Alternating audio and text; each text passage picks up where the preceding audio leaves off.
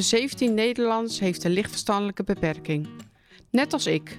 Vaak zie je of hoor je het niet meteen aan iemand. Maar voor ons werken dingen net even wat anders. In deze podcast praat gezinsbehandelaar Maria Proost met verschillende professionals over de communicatie met mensen met een LVB. Hoe herken je mensen met een LVB? En hoe ga je met hen een gesprek aan over bijvoorbeeld begeleid wonen, regels op de werkvloer en zwaardere onderwerpen, zoals trauma's en contact met de politie? En hoe kan je nou het beste reageren als de communicatie vast lijkt te lopen? Welkom bij een nieuwe podcast van Cirilo. Ik ga vandaag in gesprek met Mark van Vuren, werkzaam bij Cirilo Groot Eemhuis, en met Jan Hettema van de politie Zeden. We gaan het vandaag hebben over mensen met een lichtverstandelijke beperking die soms in aanraking komen met de politie. Jan vertelt over het maatwerk voor mensen met een lichtverstandelijke beperking bij de politie als het gaat om verhoren. Wat kun je als begeleider doen en hoe werken hulpverlening en politie samen als het gaat om mensen met een lichtverstandelijke beperking? Nou, welkom. Uh, ik, ik, ga vandaag in gesprek met Mark van Vuren en Jan Hettema van de politie. Um, zouden jullie eens misschien even kort kunnen voorstellen? Mark, mag ik met jou beginnen? Zeker. Goedemorgen. Uh, Mark van Vuren, werkzaam binnen Groot Eemhuis, een regio van Cerelo. En onder andere uh, bemoei ik me met het uh, advies- en meldpunt HKS, huiselijk geweld, kindermishandeling, seksueel misbruik. En volgens mij in die hoedanigheid zit ik hier aan tafel. Jan, jij bent van de politie, zou jij je willen voorstellen? Ja, zeker. Ook goedemorgen. Uh, ja, mijn naam is Jan Hettema en ik ben werkzaam als uh, zedenregisseur binnen Midden-Nederland, regio Midden-Nederland van de politie. En daarnaast, daarbij dan, ben ik ook studiobeheerder. En studiobeheerder uh, met een club van tien uh, die gespecialiseerd zijn in het horen van kinderen van 4 tot 12 jaar en lichtverstandelijk beperkte uh, mensen. Die worden dan als getuigen gehoord door ons. Oké. En is dat dus, want je zegt is dat, dat je zeg maar studiobeheerder bent voor juist specifiek die doelgroep. Ja. waarom is er specifiek voor deze doelgroep aandacht binnen de politie? Ja, nou, je moet je voorstellen, kinderen sowieso van 4 tot 11 jaar, die behoeven toch een andere benadering wanneer je met ze in gesprek wil, wanneer ze wilt gaan horen in een uh, zedenzaak of bijvoorbeeld in een kindermishandelingszaak. En datzelfde geldt voor lichtverstandelijk beperkte mensen, hè, LVB'ers. Ja, die behoeven zeker aandacht. Nou, daar weten jullie ook alles van. En daar willen we heel graag op anticiperen. Dus dat we dat op een uh, goede wijze kunnen doen. En kun je misschien iets vertellen over de wijze waarop jullie dat dan voorbereiden? Want daarin zit wel nogal wat werk, heb ik begrepen. Ja, er zit nog wat werk in. Uh, je moet je voorstellen dat een melding vaak binnenkomt of via een ouder, maar ook heel vaak via de instelling zelf, persoonlijk begeleiders bijvoorbeeld. En die kaarten de zaak aan, die vertellen wat de casus is, wat er is gebeurd, wat de LVB er uh, verteld heeft. Dat noemen we dan ook een spontane disclosure, het spontane verhaal. Uh, op dat moment, uh, dat weten de zorg ook, zijn ook de protocollen, zullen ze contact opnemen met, met ons. En dan gaan we bekijken hoe we de hele zaak gaan aanvliegen. En dan krijg je de situatie dat je daarin heel goed gaat kijken van wie krijg ik voor me en hoe kan de studioverhoorder zich daar nou het beste op gaan voorbereiden. En dat betekent dat we onder andere gebruik maken van de checklist. En die checklist die bevat nou, aan pagina 4, 5 vragen. En als je die helemaal doorgenomen hebt, dan kun je aan het eind zeggen van oké, zo ziet deze persoon eruit. En op. Uh, en dan weet, dan weet je wie je voor je krijgt, hoe je met iemand in gesprek moet gaan. Dus bijvoorbeeld, uh, dat is natuurlijk per persoon heel verschillend. Dat geldt ook voor kinderen uiteraard. Uh, dat je eerst eens echt een praatje pot moet maken met de LVB. En niet gelijk beginnen. Of dat je zegt van, nou, die vindt om even te kleuren heel fijn. Of te tekenen. Um, of nou ja, noem maar wat onderwerpen op, zodat het ijs breekt. En dat je daarna vervolgens in gesprek kan gaan waarvoor, je er ook, waarvoor die persoon dan ook uh, komt. Nou, daarnaast, naast die checklist, uh, heb je het regelmatig ook even in de voorbereiding het gesprek met een persoonlijk begeleider. Uh, ja, dan komen deze zaken ook aan de orde. Dus eigenlijk stoom je jezelf helemaal klaar tot het moment van verhoor en dat je weet van oké, laat me komen, ik weet hoe ik met deze persoon om moet gaan. En dan, als alles dan ook mee zit in het hele verhaal, een goed gesprek kan hebben. Ja, want ik kan me voorstellen inderdaad dat het, dat het binnen jullie protocol bij de politie zo is dat degene die aangifte doet ook het verhoor zeg maar zelf moet doen. En ik, ik weet dat daar dan niemand bij kan, tenminste niet vaak iemand bij mag zitten. Is dat dan bij, is in dit soort situaties anders? Want je had het over een persoonlijk begeleider, mag die er dan bij? Of, of? Nee, een goede vraag. Uh, als je inderdaad start hè, met die melding waar we het zojuist over hadden, uh, dan krijg je een vervolg naar een aangifte. Nou, dat wordt gedaan of door een ouder, maar je ziet ook heel vaak door de instelling zelf. Nou, dat is per instelling verschillen. De ene die laat zeg maar, de chef van de afdeling uh, de aangifte doen, of een, bijvoorbeeld een persoonlijk begeleider. En dus de aangifte, dat is eigenlijk de start van het politieonderzoek. Uh, en daar vertel je als aangever, getuige, uh, wat, je, wat je gehoord hebt. Kijk, dat is natuurlijk het mooiste als jij als persoonlijk begeleider het verhaal hebt gehoord. Uh, dat je vervolgens ook aangifte doet. Want je hebt ook dat moment meegemaakt van die spontane onthulling. Op dat moment laat je nog steeds even de, uh, de persoon, het slachtoffer, uh, buitenspel. De aangifte doen we, vervolgens staat er onderzoek op. En dat doen we ook zo snel mogelijk dan de, de LVB'er horen. Ook in verband met het geheugen. Nou, daar kun je ook hele verhalen over, over houden. Maar zo snel mogelijk bij een kind, bij een LVB'er is, is het beste. En bij dan kom je dus in die studio, dus een speciale ruimte. Hij is heel kindvriendelijk ingericht. Een, totaal andere ruimte dan, uh, dan een doorsnee politieverhoorkamer. Uh, en daar zit dus niemand bij. Dat is een één op één gesprek. Maar wanneer je je meldt op de dag van het verhoor, dan krijgt de LVB'er en de begeleider ook even een korte rondleiding door de diverse ruimtes oh, ja. die er zijn. Dus dan kan je als begeleider toch even zien van oké, okay, hier, zit, uh, uh, hier zit Jan of Piet. En dan straks, dan ga ik even weg en dan zit ik in de wachtruimte. Dat is vlakbij, dat benoem je dan ook. Hè. Nou, ze hier vlakbij, dus als er wat is, dan kan je best even komen. Gebeurt eigenlijk nooit. Na die rondleiding, dan gaat uh, de deur dicht en de begeleider gaat met een kop koffie in de wachtkamer. En uh, wij gaan dan met, in gesprek met, uh, met die persoon. En dat werkt eigenlijk, nou niet eigenlijk, dat werkt gewoon goed. Ja. ja. Dat, want er is eigenlijk heel veel samen, zeg maar. Uh, binnen dat verhoor, behalve eigenlijk echt het verhoor op zich natuurlijk. Dat is dan echt tussen de politie en degene ja. die verhoord ja. wordt. Ja, okay. en dat, dat is ook goed. Hè? Want je kan, stel je ook voor bij een kind, hè? En, en zeker ook bij de LVB'er. het geeft je ook kans om vrij uit je verhaal te doen. Zit er iemand bij ja. En je zou iets willen vertellen. Maar je denkt van ja, maar dat vindt mijn persoonlijk begeleider eigenlijk helemaal niet leuk als ik dit vertel. Want eigenlijk mocht ik niet weg, maar ik heb het wel ja. gedaan. Ja, uh, ja dan, dan kan dat je tegenhouden in je verhaal. Dus is een bekende, een begeleider of een ouder van een kind weg, dan geeft het ruimte. Ja. En sommige, sommige, zeker wat oudere kinderen, die zeggen dat bijvoorbeeld ook wel. Ik heb even helemaal vrij kunnen praten zonder dat er... Uh, Thuis heeft iedereen het er al over. En ja. hier is het rustig. Ja. Nou, dat kan dus van de LVB'er ook. Uh, Soms is dat wel een spanningsveld, Jan. Want uh, de jongeren waar wij mee werken, vinden het heel prettig om hun steunfiguur naast hun te hebben. Aan hun zijde eigenlijk. En dan hoeft er niet eens iets te zeggen. Maar dat maakt dat de spanning al iets verlaagd wordt. Dus er zit een spanningsveld op. Hè. Ja, ja. je kunt alleen vrijuit praten. Uh, maar nee, ik heb het steunfiguur niet naast me. Dat is wel spannend hoor. Ja. Dus, dat is een goede opmerking hoor. Uh, die zal ik er zeker ook nog even moeten aanvullen. Uh, want je hebt daarin gelijk. Want ook dan is er overleg nodig. Hè. Stel dat wij nu in overleg moeten over een zaak. Jij geeft bij mij aan van, luister, hij gaat niet praten als ik er niet bij ben. Ik ken hem. Als we dat, kunnen we een vorm vinden om zo ja. te regelen dat ik erbij kan. En die is er. We hebben enkele weken terug dat ook nog gedaan in een verhoor. Toen je ziet, dat overleg je heel duidelijk van tevoren.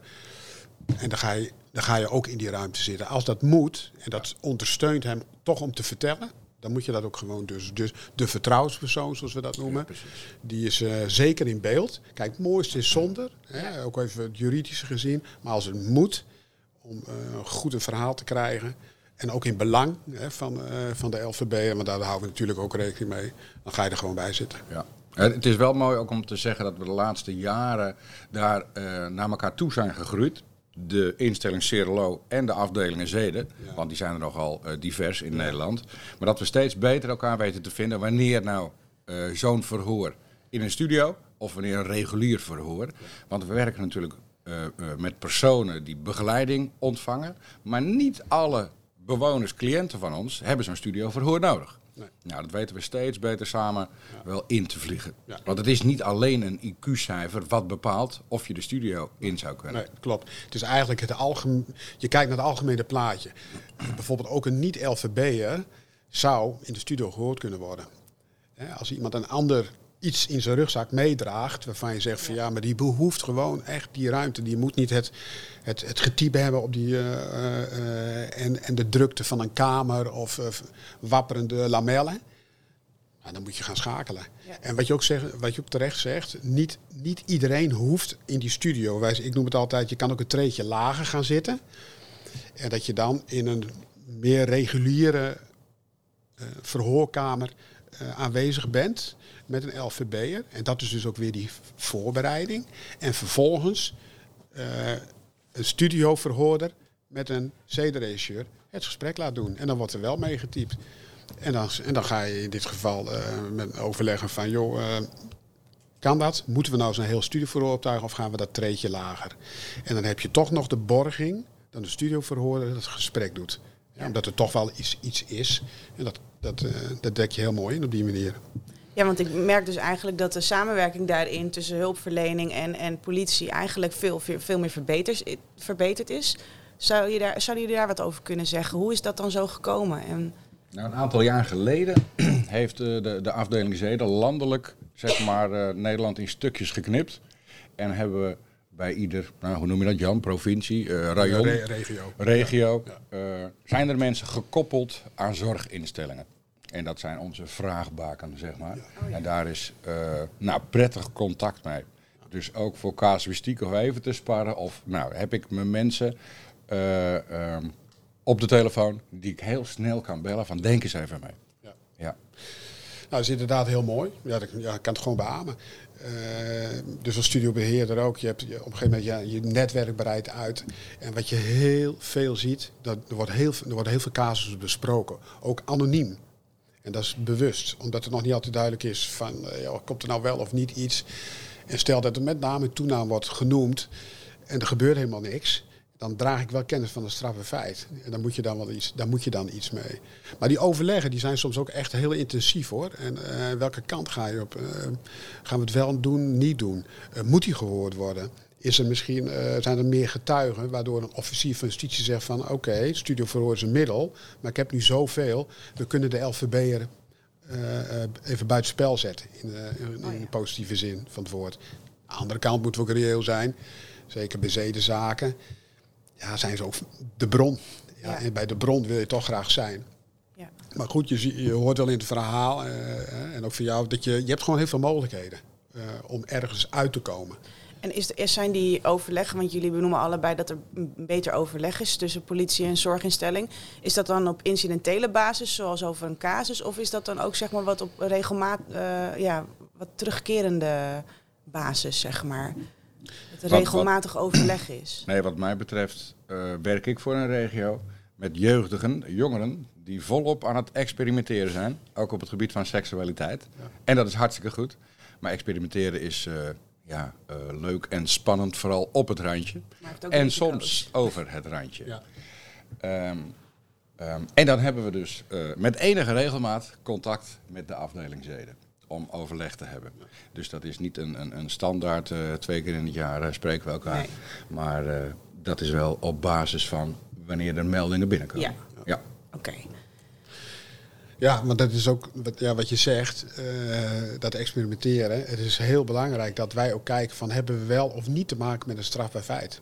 Ja. Maar dat geldt voor het hele vakgebeuren hoor. Maar dat is te uitgebreid om dat nu te behandelen. Maar dat, dat is soms, ja, soms ook heel lastig. En dan moet je. eh, ja? ja, want weet, weet jij dan bijvoorbeeld, Mark, altijd of je met een strafbaar feit te maken heeft? Of zijn dat dan ook bijvoorbeeld de overleggen die je hebt met de politie? Nou, waar, waar ik heel trots op ben, en dat geldt dan voor de regio Groot Eemhuis, dat we heel veel teams, maar vooral de gedragswetenschappers verbonden aan de teams, en die die jongeren heel goed kennen, getraind hebben in het vlaggensysteem. En volgens die zes criteria gaan we eens kijken, hey, met welk seksueel gedrag hebben we hier te maken en hoe kunnen we dat duiden? En dan snappen we ook best heel goed wanneer het een strafbaar feit is. Even eh, in, in de kleuren van het vlagsysteem groen, dat is prima. Geel, dat is nou jongens, dan bellen we nog niet naar zeden. Maar bij rood en zwart ga ik altijd sparren. met de afdeling zeden.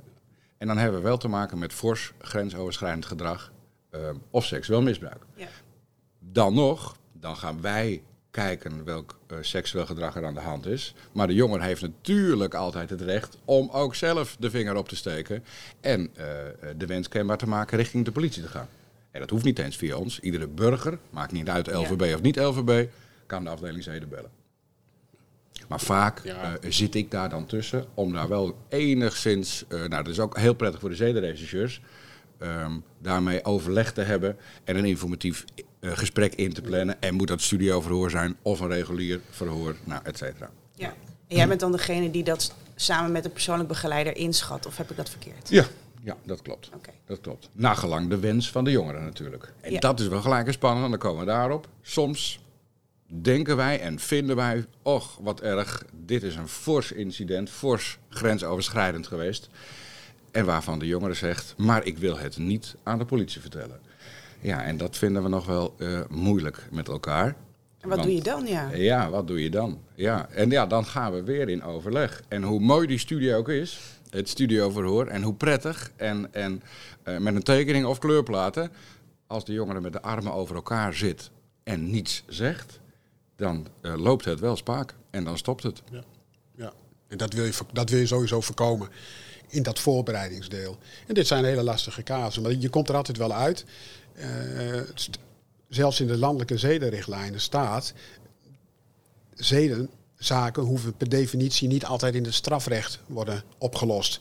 En dat is gewoon een waarheid. Maar dat, ook dat geldt weer voor het reguliere slachtoffer. Maar dit behoeft gewoon heel veel aandacht. Het behoeft eh, de juiste interpretatie. Inderdaad kan je te maken krijgen. Ja, ik vind het wel vervelend wat met me gebeurd is. Maar ja, ik wil eigenlijk niet naar de politie. Dat hoor je. Dat hoor je. Nou, dat is een punt. En dan moet je gaan kijken van, oké, wat gaan we nu doen? Voor ons is het nog wel belangrijk. En dat is ook elke keer even inschatten van waar hebben we mee te maken.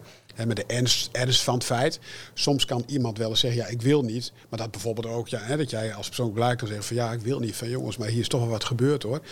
Eh, dan zou je misschien ook wel eens een treetje hoger moeten kijken van ja, wat gaan we nu doen? En dat treetje hoger is voor ons de officier van justitie, want die is en die blijft leider onderzoek. En in sommige gevallen heeft een officier de bevoegdheid, of in sommige gevallen, de, de officier heeft de bevoegdheid om ambtshalve te vervolgen. En dat betekent, st- stel dat er helemaal niets gebeurt, dat niemand wat doet, maar het feit is zodanig ernstig dat een officier zou kunnen zeggen, maar ik wil nu dat er een onderzoek wordt ingesteld. Daar kan ik nog heel uitgebreid over vertellen. Eh, dat doet hij niet zomaar. Dat doet hij zij niet zomaar. Dan moet, echt, dan moet er een reden zijn waarvan hij zegt van ja, maar nu gaan we het wel doen. Maar ik kan me voorstellen, is het, dan is het ook heel specifiek dan zeg maar voor mensen met een lichtverstandelijke beperking dat, dat ze bijvoorbeeld iets meemaken waarvan ze denken, nou maar daar wil ik, maar daar wil ik eigenlijk geen aangifte over doen? Of komt dat eigenlijk ook bij mensen zonder lichtverstandelijke beperking voor? Zeker, zeker. Dat is niet specifiek voor de LVB. Dat wordt ook nog wel eens gedacht dat de LVB'er onware verhalen vertellen. Ook dat is helemaal niet waar. Het verhaal zal misschien wat moeilijker verteld kunnen worden. Of dat heeft meer tijd nodig. Maar er is eh, niets meer of minder waarheid bij dan bij de andere bevolking. Ehm, de moeilijkheid soms, en dat merk ik eh, bij de jongeren waar ik mee werk, is dat ze ook wel minder prettige ervaring met politie hebben. Of dat dat spanning oproept. Ja. En dan zeggen ze, ik ga niet naar de politie.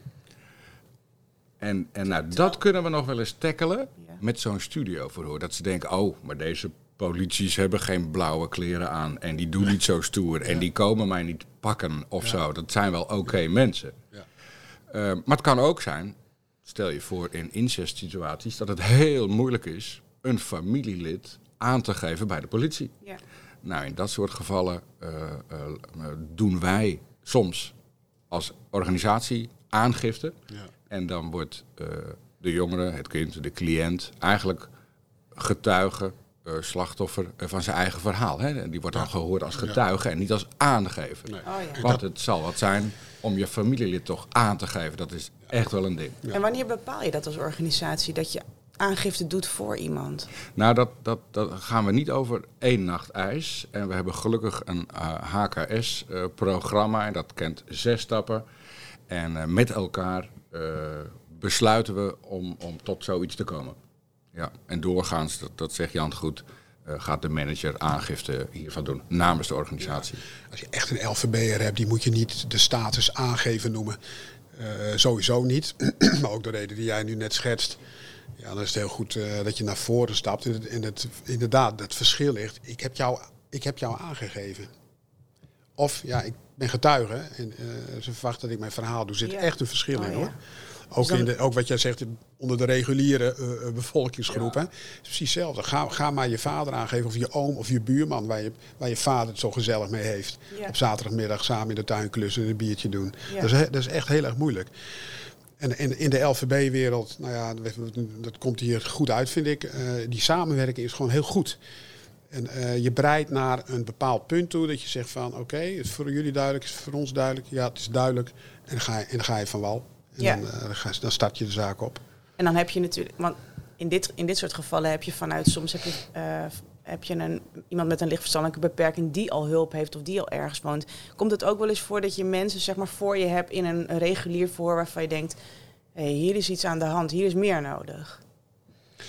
Ja, dat, dat gebeurt zeker. En uh, dat kom je nog wel eens tegen bij avond- of nachtpiket inzetten.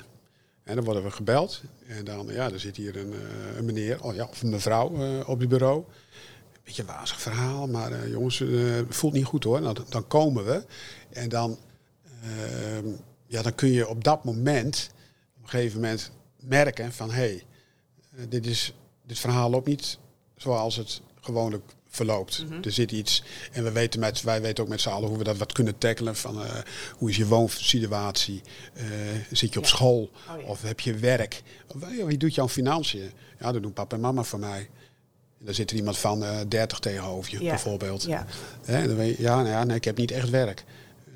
Ja, af en toe ga ik naar zo'n dagopvang. Nou, dan weet je al van hé, hey, nu moet ik extra alert worden, ook voor het juridische deel. Voor de collega's die dan worden ingezet tijdens zo'n piket inzet, is het heel belangrijk van tot hoe ver ga ik nu het gesprek aan. Want die hebben niet net altijd die uh, kennis van daar moet ik op die manier mee omgaan. Dus ja. wat, wat doen ze dan vaak? En dat gebeurt gelukkig heel goed, omdat ze daar ook over geïnformeerd worden en ja, een stukje vakkennis. Als ze dan merken van hé, hey, dit is een LVB'er, dan proberen ze even het feit eruit te krijgen. Wat er gebeurd is. Ja. En dat je toch van hebben we nou wel of geen straf bij feit? Zo ja, stoppen, stoppen. En dan brei je ook weer naar een eind toe. En dan ga je vervolgens nou, het traject in wat we net allemaal besproken hebben. En dan kan het dus zijn dat die uiteindelijk in de studio gehoord gaat worden. Okay. Ja, en, en gelukkig sla ik die uh, stap over voor de piketdienst. Uh, want daar zit wat mij betreft nog wat verbetering in. Dat zijn best wel moeilijke verhalen. En dan krijg je iemand aan de lijn die moeilijke vragen gaat stellen. En daarin ook nog wel eens vragen stelt die onprettig zijn voor de andere kant van de lijn. Nou, die, die sla ik gelukkig over omdat ik de contact heb met de zedenregisseurs. En vrij snel op die manier voor tot een informatief gesprek Ja. kom. Ja, Ja. ja. Nou, dat, is, dat is ook zo wat je zegt. Het is, kijk, zo'n chef van dienst die, van onze afdeling, die wordt gebeld s'nachts. En dat is natuurlijk heel minimaal wat je kan inzetten in de avond- en nachturen. Dus die probeert heel goed uh, in te schatten van ja, moet ik nu een koppel gaan inzetten? Ja of nee? En dan wil men nog wel eens een, een slachtoffer aan de lijn vragen om, om wat door te vragen. Ja. Maar dan moet je heel erg oppassen. Uh, ja, als een LVB'er is en die, die je dan te, aan de telefoon krijgt, ja, kan je beter, uh, kan je beter niet doen. Nee. Dus dat, dan is het ook weer de kunst voor zo'n zo chef van dienst met de collega's te plekken uh, het gesprek goed te doen. En dan hoop je dat daar de juiste informatie vandaan komt, zodat je inderdaad dat voor kunt zijn. Ja. Gelukkig komt dat niet heel veel voor. Hè? En, en je hebt het net over buiten de instelling. Mhm. dat, dat weet ik niet zo goed, maar in de instelling. Ehm, maar ik heb goede contacten of ervaringen met Centrum Seksueel Geweld. Ja. Als er iets aan de hand is, eh, doen zij ook eh, eh, bijstand verlenen Ja. en hulp verlenen. En ook contact met, met afdeling zeden. En als het nodig is direct bijvoorbeeld een onderzoek in te stellen, komt zeden met een zedenkit. Ja. En dat is wel heel prettig. Daar heb ik goede ervaringen mee. Ja, dan heb je een situatie dat er inderdaad in die avond wat gebeurd is. Ja, of, of overdag komt er een melding binnen. We, denken gelijk naar wat jij ook bedoelt. Heb je een sporenbeeld? Uh, moeten de sporen worden afgenomen? Nou ja, dan moet je die toch even tactisch uh, binnen zien te krijgen. Uh, om mee, mee, verder te kunnen rechercheren. Ja, en dan krijg je een lichamelijk onderzoek in het ziekenhuis. Ja, wordt ook helemaal opgetuigd. Wordt in een goed vat gegoten. want je hebt wel te maken met iemand die, ja, die komt daar toch heel kwetsbaar te liggen Ja, ja. Op, de, onderzoekstafel. Dus, eh, ja, en daar moet, je, daar moet je goed mee omgaan. Maar inderdaad, het, het CSG, Centrum Seksueel Geweld, die speelt daar ook een goede rol in. Die, die begeleidt dat op dat Oh, moment. Ja. En dat is, is, is dat dan in samenwerking met de politie of is dat een op, zelfs, op zichzelf staande organisatie? Kun je daar iets meer Ja, dat is CSG, dat is nou ja, op, ja, op zichzelf staande eh, organisatie. En die eh, zijn helemaal toegespitst op het eh, ja, seksueel geweld. Eh, dus dat is voor ons ook een heel mooi, voor jullie ook denk ik, een mooi verwijsadres als, ja, als, als, als er echt hulp nodig is. Daar zit de kennis. Maar je, moet je voorstellen als er iets gebeurt en iemand heeft, geeft aan van, dit is mij overkomen. En dat is vanmiddag gebeurd. Dan zijn er mogelijk sporen te halen. En dan, dan ga je naar het ziekenhuis toe. Daar word je opgevangen eh, door, ehm, door een verpleger die begeleidt dat helemaal. Ehm, ja, en dan komen er van ons forense opsporing, collega's, zedencollega's, die komen.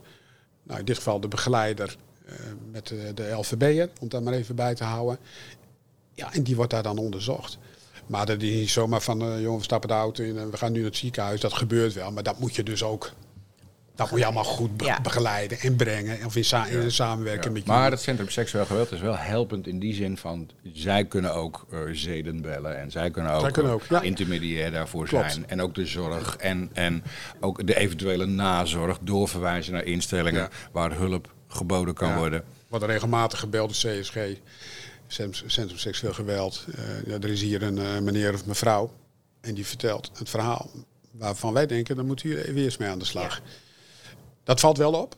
Eh, mensen soms eerder bij het CSG uitkomen dan de politie bellen. Ja. Maar ik snap dat wel. De politie bellen is misschien soms nog even een brug te ver. Ja, En Centrum Seksueel Geweld, dat, dat is anders. ja. Eh, en dat is alleen maar goed. Maar, en die, die wordt ook regelmatig weer bijgespijkerd van, joh, als dit voorkomt, neem contact op. Sowieso, we zijn 24 uur bereikbaar. En doen we, hè, wat jij net ook zegt in het begin, eh, ga sparren. Als je er niet helemaal uitkomt. En dat, dat vind ik ook wel een mooie ontwikkeling. Instellingen die nog niet zoveel te maken hebben of die niet altijd directe cont- contactpersonen hebben. En er gebeurt dan toch iets op zedengebied. Doen we later ook even evalueren en aangeven van bel als er, eh, als er iets is. Want wij snappen ook dat als daar iemand eh, in de zorg een avonddienst heeft en je loopt daar of alleen Ja. of misschien met z'n tweeën rond en er komt opeens een LVB een verhaal vertellen, ja, dan zit je. Maar je hebt ook nog anderen om wie je moet denken Ja. en verzorgen en, en dingen regelen of die met een probleempje komen. En als wij dan aangeven van je kan altijd bellen, dat, dan merk je een soort van oplichting. Oh, dat wisten we niet. Ja. En, eh, nou, dat, vind, dat vind ik wel fijn, omdat we het zo goed snappen. Dat, Ja. je, dat je dan graag wil sparren. Maar dat Ja. is, kan soms heel lastig zijn. ja, ook als begeleider inderdaad kan het best wel ingewikkeld Ja, zijn. zeker. En, en sommige begeleiders eh, gaan veel te snel en veel te hard. Eh, die horen aan een half woord en bellen dan de afdeling zeden op. En dat gaat soms dan weer te hard. Ja. En soms eh, eh, gaan ze ook eh, niet zo hard. Ja. En dan denken we, oh jongens, dit, dit, dit hadden we eerder. wat gebeuren, hè? Er moet wat gebeuren. Ja. Het blijft moeilijke materie en het blijft spannende materie. Ook wanneer we voor het eerst een verhaal aanhoren. Zoals je net zegt, Jan, dat, dat, wat, wat mag je wel vragen, wat mag je niet vragen? Dat vinden we best heel spannend. Mogen we insinuerende eh, eh, eh, vragen stellen? Nee, zeker niet. Maar wat mag je dan wel vragen? Nou, dat, dat, dat heeft ook training en onderhoud nodig. En dat merk je. Een aantal teams binnen Groot Eenmaus kunnen dat erg goed. En die weten de rust te bewaren en wel de juiste vragen te stellen. En soms wordt er toch wel weer een vraag gesteld waarvan je achteraf zegt... ai, dat is jammer.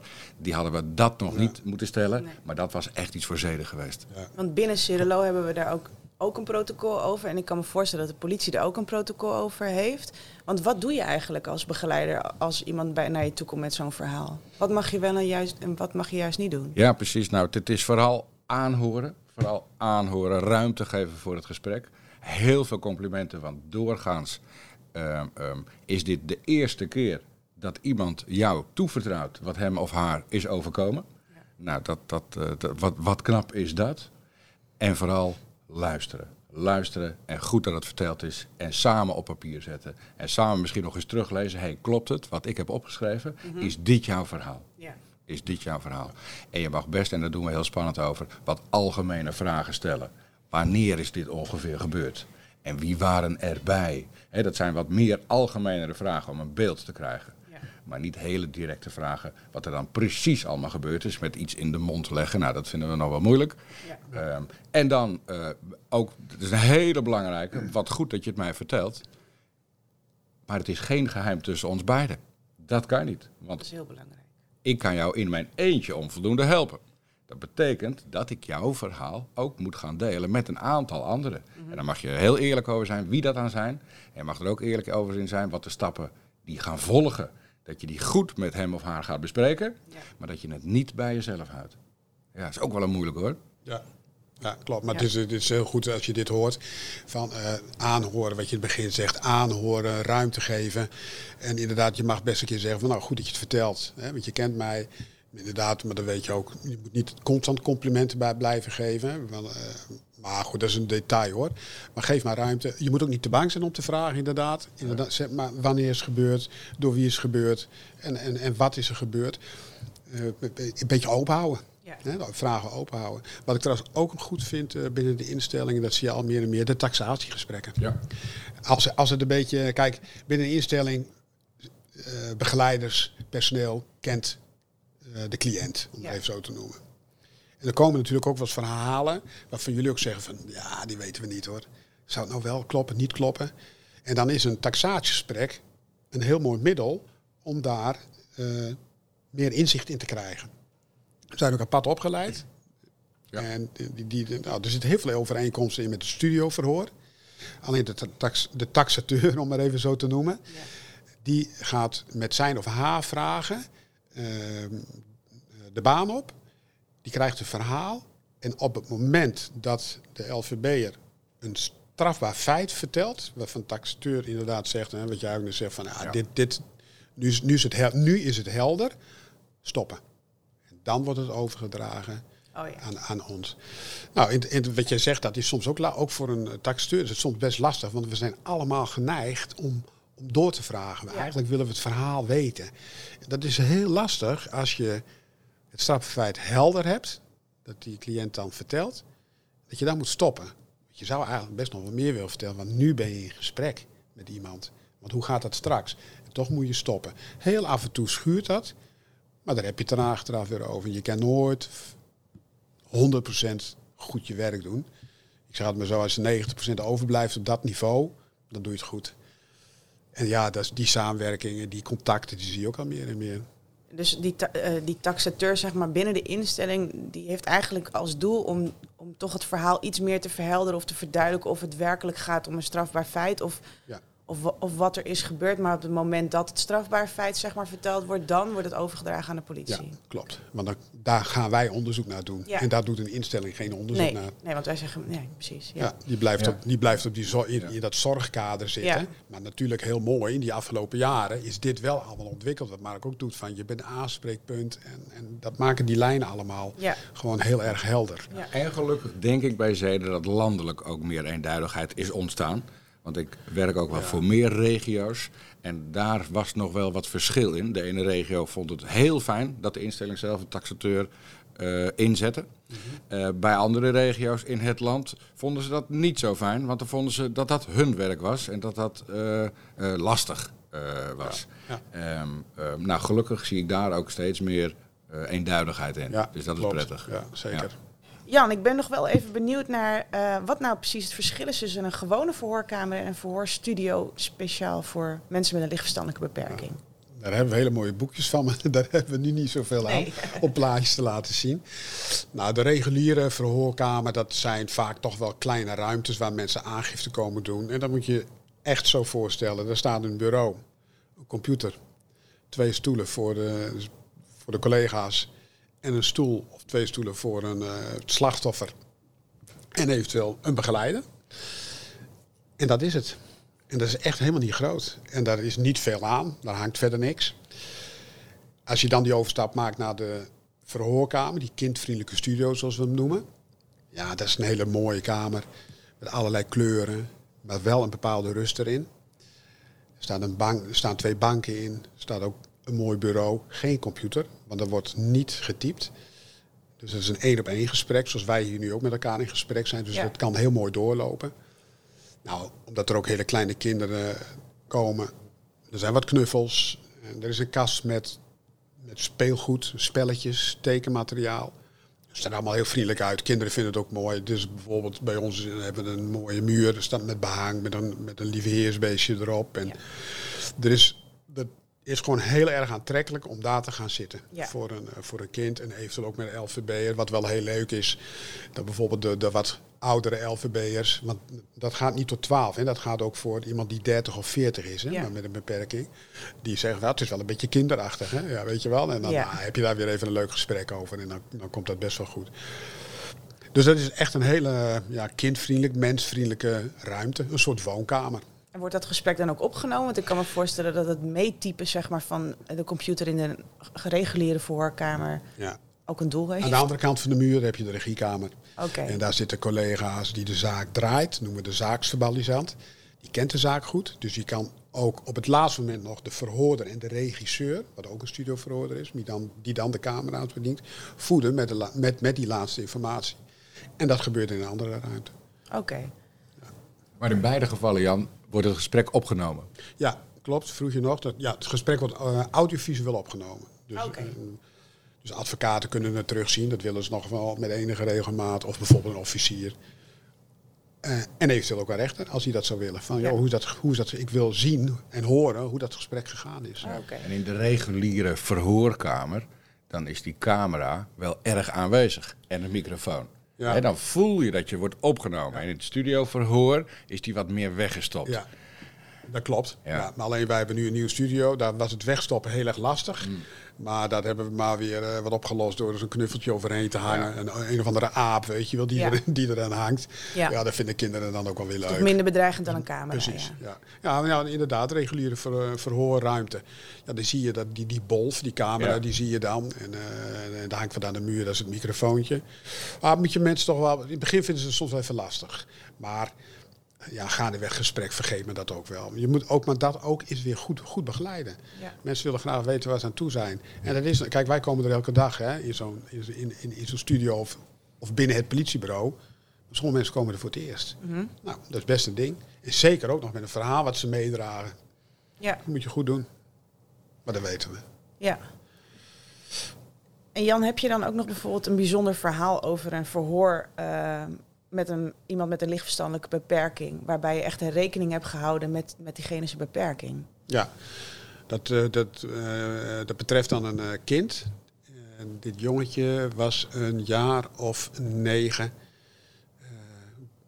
Ja, zwaar autistisch. Echt een, flinke rugzak. Ja, en die had toch een misbruikverhaal verteld.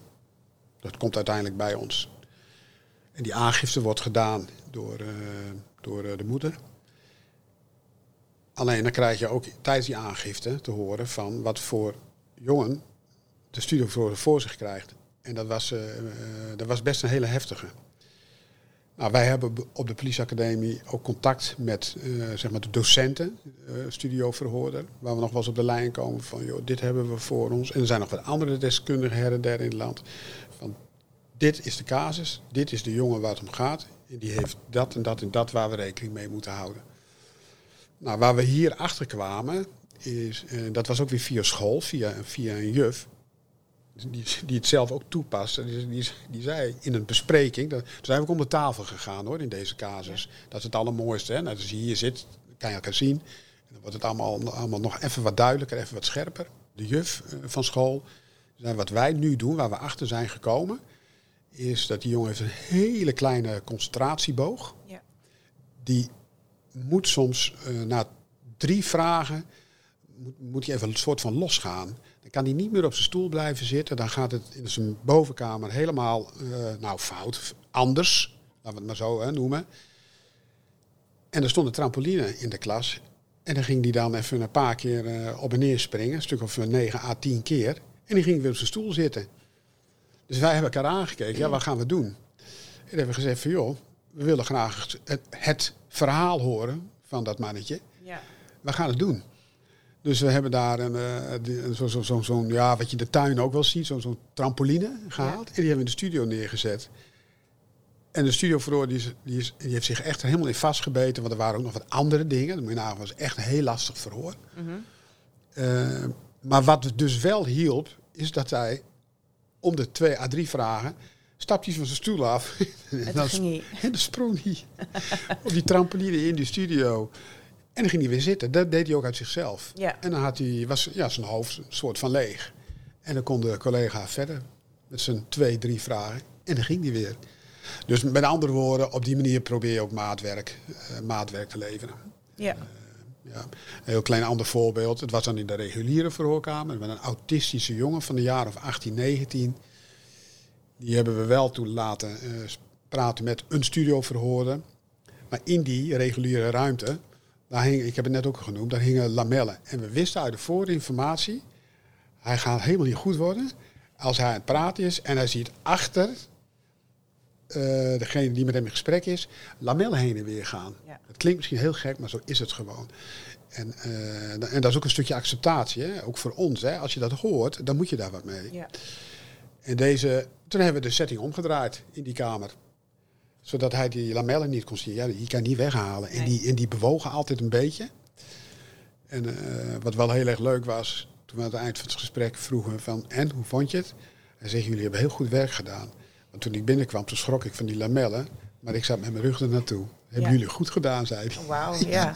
Dat was wel heel erg leuk. ja. Maar zo probeer je er altijd maar mee, weer mee om te gaan en eh, ja, maatwerk te leveren. Ja. Jan, hoeveel studio's zijn er eigenlijk? Want, want ik merk dat we nog wel eens een eindje moeten rijden. Ja, het klopt.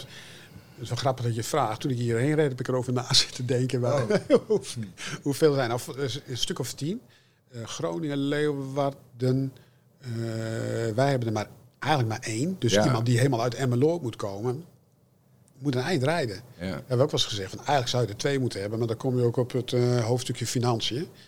nou, zo zijn er her en der. eh, ja, we, zijn, we liggen verspreid. Ja. Het is inderdaad wat je zegt, dan moet je eh, een eind rijden. En dat is soms lastig. Ja. Hè? Die, die ritten naartoe, de spanningsboog van iemand. Ja. Ah, en we merken ook wel, wij, wij hebben jongeren vanuit het hele land. En als we een verhaal krijgen over een thuissituatie, Mhm. dat een jongen thuis is geweest, en daar heeft het zich afgespeeld, ik noem maar even hè, Groningen, Ja. dan zijn we wel aangewezen bij de eh zedenafdeling van Groningen. Ja, waar het, Ja, gebeurt, waar het gebeurd waar is. het gebeurd Ja. is. Dus dan hebben we ook al een grote reisafstand. Dat klopt. En wat we, eh, ik heb het nou, dat, is puur toeval hoor, omdat je het nu zo aanhaalt. We hebben nu voor, eh, eh, laatst hebben wij voor Groningen, hebben wij hier de cliënt, die cliënt gehoord, omdat hij in de weekenden veel thuis kwam. Zo ongeveer was, Nou ja. nou, of op vrijdag al thuis Ja, kwam. kan. En wij, wij hebben hier het verhoor gedaan voor, voor Groningen. Dus Ja. dat je die, Ja. de LVB ook in die, een beetje in die rust kan houden. Dat die Ja. niet door dat hele land heen Ja. eh, Ja, moet nee, reizen. soms lukt dat, maar als Ja. een afdeling zegt wij hebben het al heel erg Ja. druk, Ja, ja, dat kan hoor. dan Dat kan. motten we toch naar Groningen. Ja, dan, moet- dan moet je gaan. Ja. En, eh, maar ook, ja, ook dat is bespreekbaar. Want wij snappen ook dat dat wel heel vervelend is. Ja. Maar goed, dan moeten wij als studiobeheerder even bij elkaar op de lijn komen. Ja. Van hoeveel ruimte zit er bij jullie? En, eh, nou, Ja. Is het ook wel eens ge- gebeurd dat een aangifte helemaal niet gelukt is door iemand zijn beperking? Ja, dus dan moet je hem anders zeggen. De aangifte die gaat wel lukken. Hè? Want als Mark een aangifte gaat doen, dit, dit is gebeurd. Eh, maar dan, je, je, bedoel, je bedoelt met het gesprek, het gesprek, het studioverhoor. Dat kan. Als iemand eh, ja, dichtklapt of het lukt gewoon niet. Ja, dan doen wij wel onze, onze scenario's afmaken. In, in, het goed, in het beste geval. Maar lukt, eh, zegt iemand halverwege van ik, nou, het, ik, het kan niet, ik, ik kan niet meer, ik wil niet meer, ik wil terug naar, naar Mark of ik wil terug naar papa en mama. Dan moet je, dan moet je stoppen. Ja. Dat is misschien nog wel goed te vertellen ook. Ook bij LVB'ers. Elk studioverhoor eh, zal een dag daarvoor een zedenregisseur worden ingeschakeld om de voorbereiding op het studioverhoor moeten doen. Om een beetje het samen te vatten. De voorbereiding van een studioverhoor is, in, is erg essentieel. Want daaruit moet blijken, is het kind, is de cliënt eh, verklaringsbereid. Dus wil je erover praten? Ja. En er wordt op een gegeven moment dan ook gezegd: van nou, dan mag je daar morgen over praten met. En dan hoef je niet het hele verhaal te verhoren, maar wat je wel wilt weten en moet weten, is dat een, een eh, cliënt dan eh, de verdachte noemt en het feit of de feiten noemt, of een, of een deel van de feiten. Eh, want als je bijvoorbeeld zegt van, ja hoor, ik wil wel over papa komen praten morgen. En daar zijn we ook tot schade en schande wijs in het verleden. Als je dan stopt, dan loop je een risico. Want wat is er wel eens in het verleden gebeurd? Dan komt de cliënt in de studio. En dan is het moment van praten waarvoor die komt daar. Nou, vertel eens er alles over. Dat is een hele kernvraag bij ons over, hè, over, over papa.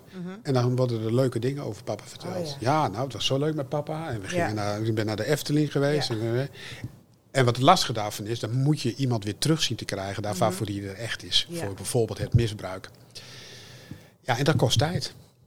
En we weten allemaal, bij een kind en bij een LVB'er is die, die, die concentratieboog lager.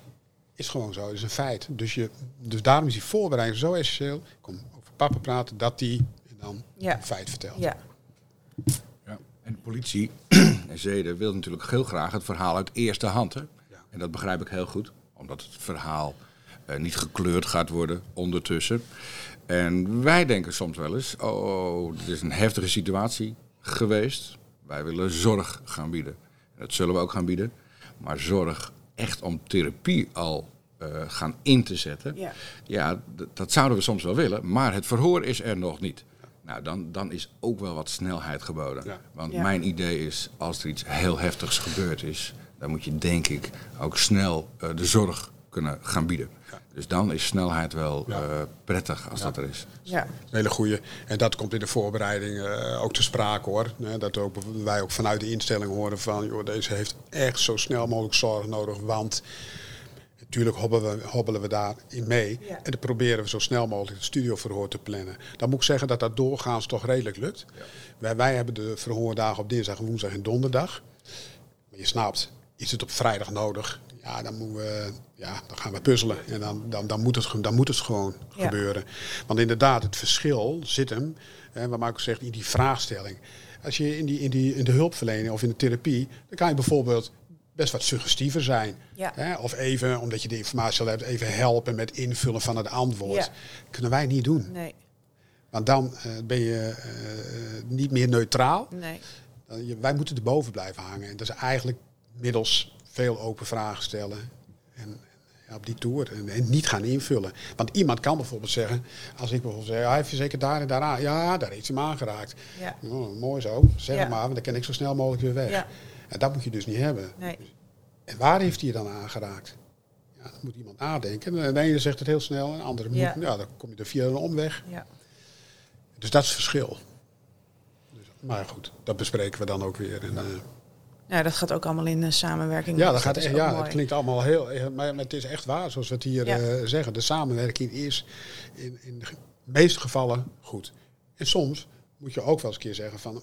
hè, In een evaluatiemoment, Ja. even een keer bij elkaar komen jongens. Eh, Want natuurlijk doet iedereen zijn best. Ja. Daar gaan we vanuit. En ook vanuit de zorg eh, doen ze hun best. Maar wij kunnen ook eens misschien eens een keer ergens iets mis waarvan de zorg zegt van... Ah, dat, dat vind ik wel jammer. Want wij ja, hadden juist zo gehoopt op een wat snelle verhoring. Toen was het toch twee weken later. Hoe, Ja. hoe kan dat? Ja. En dan moet je bespreken. En dan ga je ook altijd goed uit elkaar. Omdat je, bent professional. En, eh, maar het is wel goed ook om als professionals dat wel even te delen. Want je moet de volgende keer weer verder Precies. met elkaar. Nou ja, en je leert er alleen maar van, En je denk leert ik, er dan weer van, van. elkaar, Ja. van elkaar. Klopt. Oké. Dan wil ik bij deze jullie hartelijk bedanken voor dit mooie gesprek. Graag gedaan. Heel graag gedaan. Bedankt dat je de tijd hebt genomen om te luisteren naar deze podcast. Ik hoop dat je anders bent gaan kijken naar mensen met een lichtverstandelijke beperking. Deel de podcast ook met anderen, zodat ook zij mensen met een LVB wat meer kunnen gaan begrijpen. Kijk op cerelo.nl slash ZLVB voor meer informatie en een handige checklist om mensen met een lichtverstandelijke beperking beter te herkennen.